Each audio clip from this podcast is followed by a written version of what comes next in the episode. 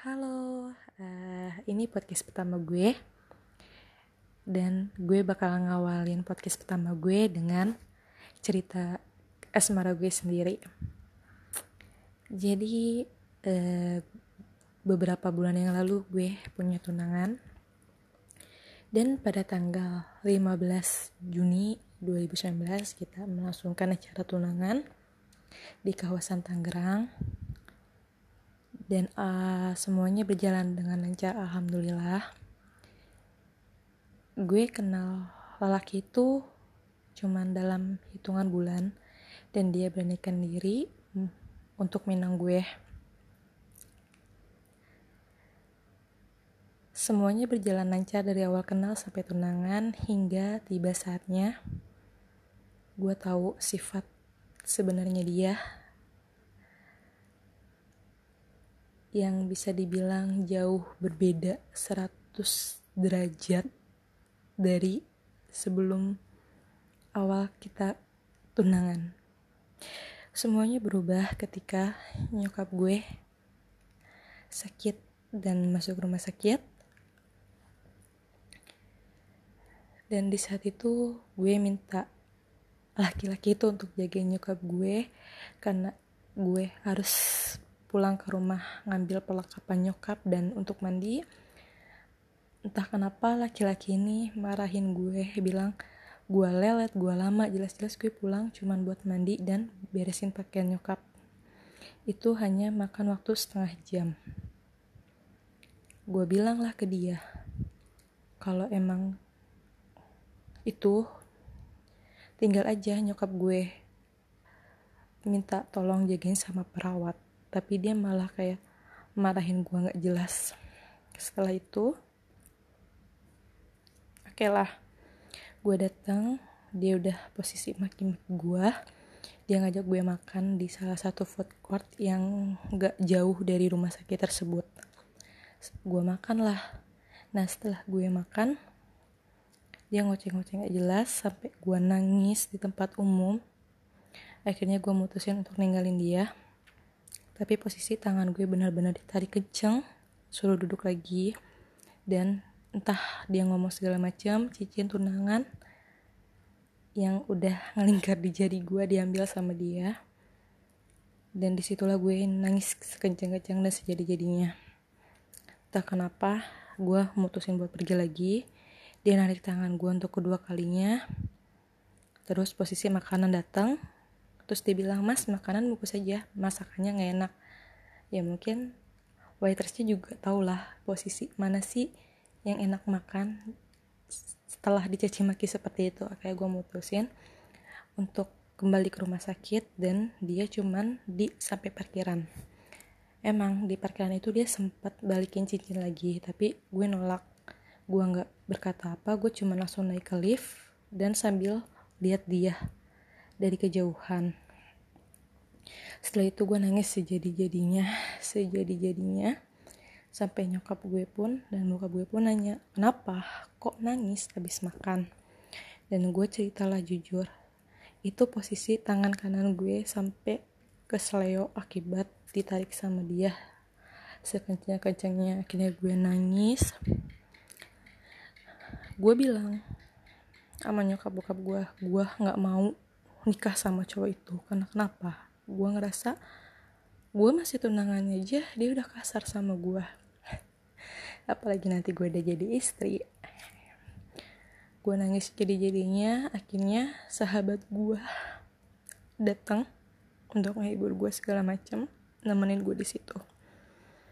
Di situlah kehidupan gue mulai ambiar. Mulai ngerasa gue nggak berguna gue malu. Mau dibilang apa sama orang-orang? Mau dibilang apa sama keluarga? Mungkin gue waktu itu orang terbodoh yang sempat ngelakuin percobaan bunuh diri. Ya mungkin bisa dibilang gue stres buat nanggung malunya. Tapi banyak orang-orang sekitar gue yang nguatin gue yang bilang kalau emang dia nggak pantas buat lu lu bisa berdiri sendiri.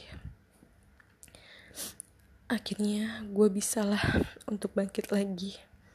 Jujur gue udah lima kali nyoba yang namanya bunuh diri. Tapi alhamdulillah teman-teman dan keluarga gue masih sayang sama gue sampai detik ini gue masih ada di sini.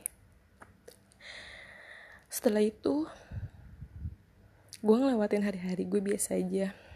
Sampai akhirnya semuanya berubah lagi. Kita baik-baik lagi. Gue sering dijemput kuliah sama dia. Dia masih main lagi ke rumah gue dan orang tua gue nganggap ya udahlah baikan lagi. Siapa tahu bisa dirubah. Dan itu gak gak selang berapa lama nyokap gue nanya cincin mana? Gue bilang sejujurnya lah ya terus gue tanya ke cowok itu cincin mana? Dia bilang dia pertama bilang ngeles kalau cincin itu udah dibalikin ke gue jelas-jelas cincin itu sama dia kayak kita debat dan tak kenapa gue kesel dari mulut gue terlontar cincin itu lu jual kan? Soalnya kenapa gue bisa bilang kayak gitu? Posisi cincin itu di tangan dia nggak ada dia ganti HP baru otomatis pikiran gue kayak negatif lah. Dia maki-maki gue segala macem lah. Dan yang gue nggak suka dia bawa-bawa orang tua gue ngatain bokap gue anjing bangsat bangecut ngatain nyokap gue segala macem dia ngancem mau bunuh keluarga gue dia ngancem mau bikin gue gila pakai ilmu hitam dan berbagai cara dia tuh lakuin. Sampai akhirnya bokap sama nyokap gue denger sendiri perkataan dia yang gak enak akhirnya brek. Kita mutusin udah sampai sini aja nggak usah dilanjutin dia temperamental setelah itu entah kenapa gue makin jadi kayak makin stres ya Allah kenapa kayak gini banget? Kenapa harus gue yang ngejalanin?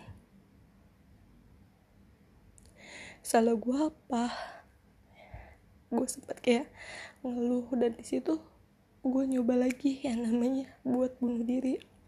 Seharusnya gue berangkat kuliah tapi gue nggak berangkat kuliah gue malah pergi ke suatu tempat gue ngebut kebutan motor.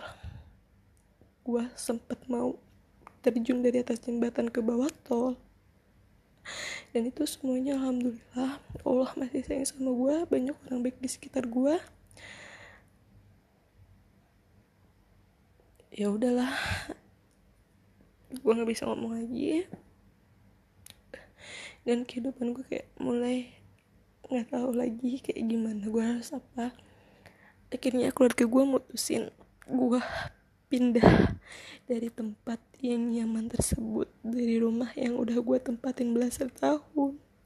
Sahabat gue ada di situ semua teman-teman yang selalu ngerangkul gue ada di situ semua. Dan tapi mau gak mau kita harus angkat kaki dari rumah itu supaya gue bisa ngerubah hidup gue lagi supaya gue bisa jadi gue yang dulu lagi.